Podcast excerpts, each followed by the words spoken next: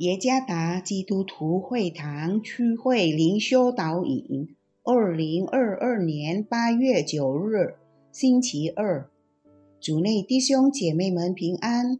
今天的灵修导引，我们要借着圣经《生命记》十八章第九到十三节来思想今天的主题：生者与死者的世界之间。作者。彭志堂牧师，《生命记》十八章第九到十三节：你到了耶和华你神所赐之地，那些国民所行可憎恶的事，你不可学着行。你们中间不可有人使儿女经火，也不可有占卜的、关照的、用法术的、行邪术的、用迷术的、教鬼的。行巫术的、过阴的，凡行这些事的，都为耶和华所憎恶。因那些国民行这可憎恶的事，所以耶和华你的神将他们从你面前赶出。你要在耶和华你的神面前做完全人。一天晚上，我听到房子后面有一群人。那时我还小，还不认识神，大约有八到十个人在玩菜篮神。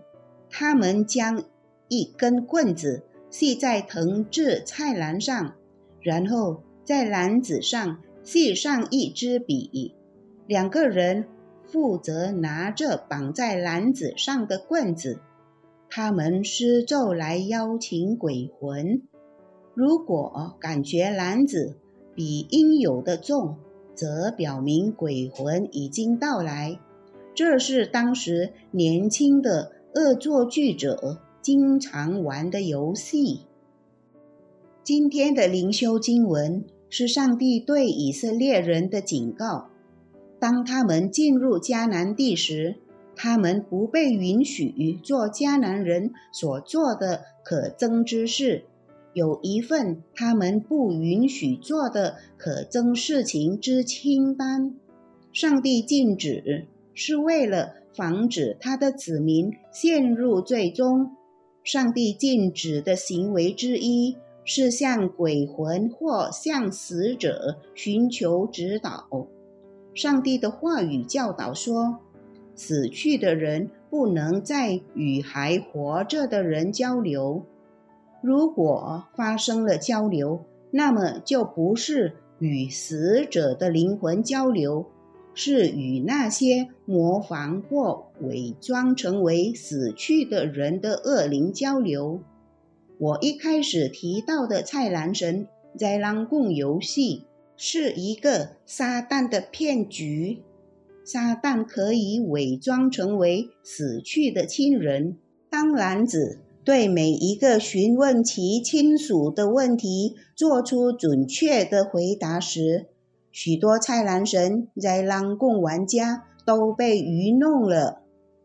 作为信徒，我们必须摒弃一切令上帝不悦的神秘主义。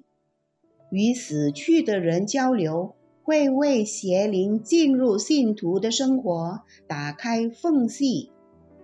信徒千万不要陷入菜篮神之类的游戏，不应该有任何间隙让邪灵进入并影响我们的生活。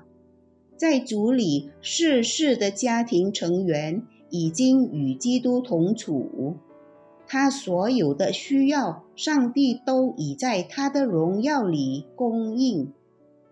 这就是为什么。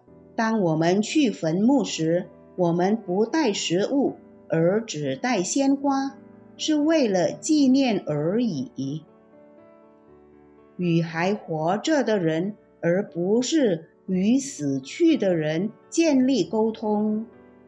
主耶稣赐福。